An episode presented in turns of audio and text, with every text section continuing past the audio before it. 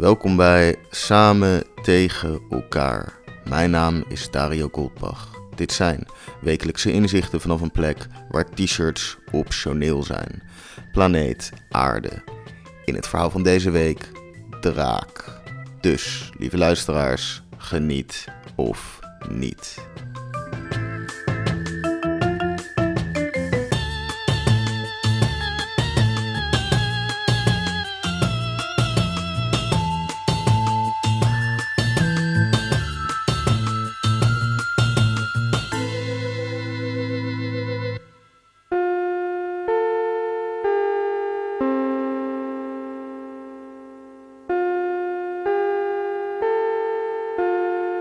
Het hoofdprogramma gaat reeds van start.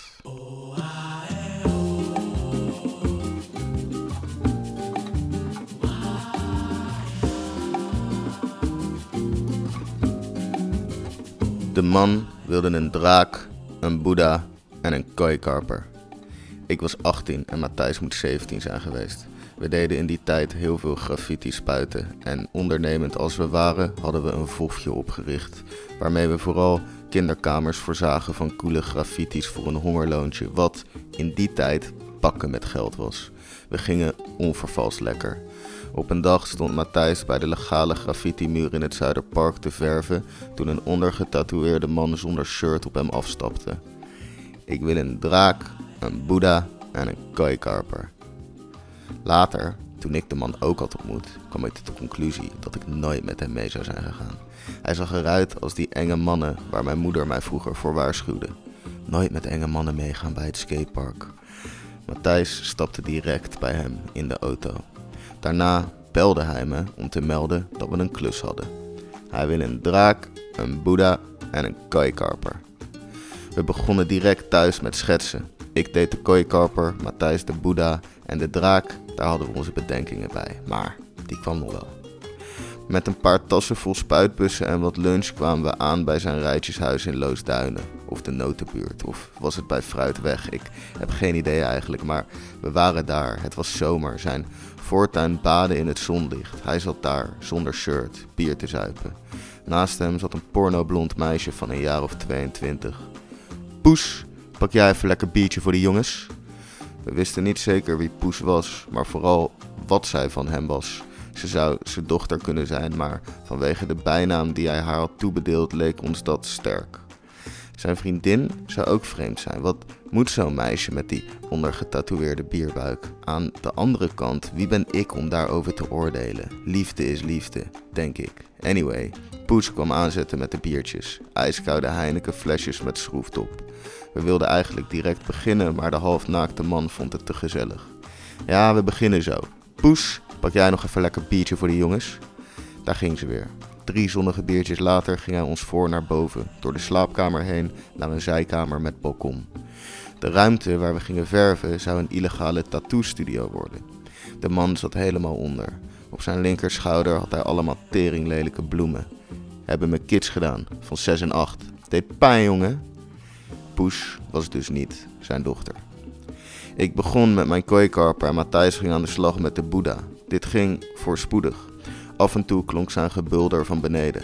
Poes, pak jij nog even lekker biertje voor de jongens? Een minuut of wat later kwam ze de kamer binnengehuppeld met twee kouwen.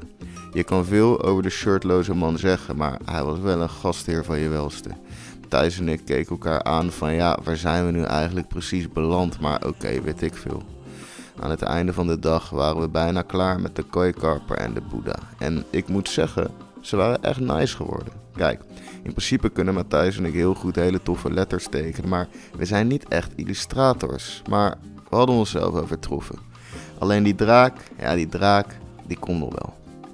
We liepen weg en in de voortuin zat de man met Poes. Hij accepteerde ons vaarwel niet en sommeerde ons te gaan zitten. Poes, pak jij nog even lekker biertje voor de jongens? Hij vertelde verhalen als een piraat. Na een tijdje vroegen we hem naar een vreemde stekker die ergens bij Matthijs Boeddha ogenschijnlijk zinloos uit de muur kwam. Ja, onder de trap komt een wietplantage. Samen met de illegale tattoo-studio deed deze ondernemer er alles aan om van zijn woning een lucratieve business te maken. Uren later waren we thuis en de volgende dag begonnen we pas rond het middaguur. Gelukkig pakte Poes gelijk een lekker biertje voor de jongens. We maakten onze Boeddha en kooikarper af en hielden het, na een aantal verplichte afzakkertjes, voor gezien. Die draak, ja die draak die kwam morgen wel. De volgende dag mochten we niet door de slaapkamer lopen. We moesten via de badkamer. Waarom we niet door de slaapkamer mochten lopen, zeiden er niet bij. Maar onze verbeelding maakte overuren toen we in de badkamer een gigantische dildo-collectie vonden. Nou ja, vonden. Ze stonden gewoon op de kast. Gesorteerd van kleine neon buttplugs naar monsterlijk grote zwarte moordmachines. Poes haalde nog een lekker biertje voor de jongens. Vanaf het balkon dat aan de tattoo studio To Be zat, konden we de achtertuin inkijken. In contrast met de schattige bloementuinen van de buren was zijn tuin van stoeptegel, waar zijn drie grote honden losliepen en in het rond scheten. Hij liet ze niet uit. Matthijs en ik deden een soort spel of we een tegel konden vinden zonder hondendrol. We verloren constant. We moesten ons wagen aan de draak. We hadden een schets gemaakt van een soort Chinees exemplaar die in het rond kronkelde en het ging niet heel goed. We deden echt ons best, maar het was een brug te ver. Op een gegeven moment waren we op dat punt dat we de draak steeds probeerden te verbeteren, maar het alleen maar erger maakten. Toen Poes kwam met een biertje voor de jongens, zagen we haar enigszins fronsen naar onze draak. Ja, Poes, we weten het. Sorry. We doen ons best, maar we zijn een beetje uitgeput van drie dagen ijskoude Heineken met schroefdop. De draak keek scheel. Zijn lichaam klopte niet. De poten waren uit perspectief en zijn snorharen waren een ramp. Maar ja, alsof jij ooit een draak in het echt hebt gezien, dus misschien zien ze er wel gewoon echt zo uit. Als een schele, natte straatkat slash poedel met een gebroken pootje en verlepte snorharen. Wie weet. We wilden zo snel mogelijk weg. Er was weinig meer aan te doen. Hij zat op de muur. Het was, het was een draak van een draak.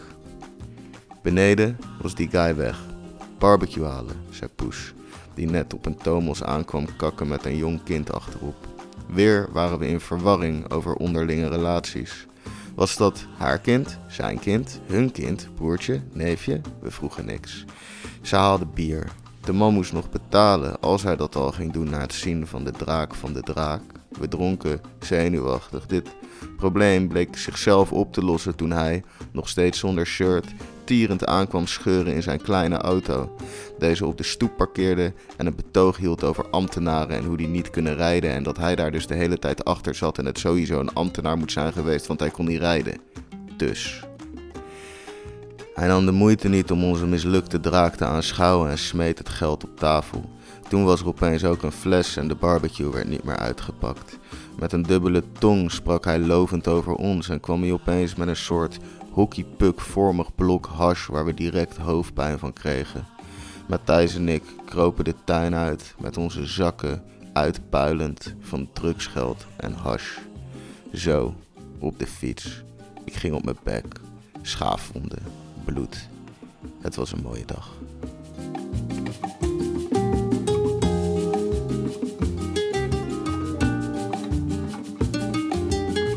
Bedankt voor het luisteren naar Samen tegen elkaar.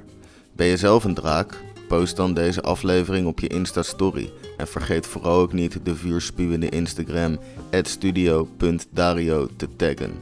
Een berichtje achterlaten kan altijd via de DM of via samentegenelkaar.nl. Mijn naam is Dario Goldbach en ik dank u hartelijk.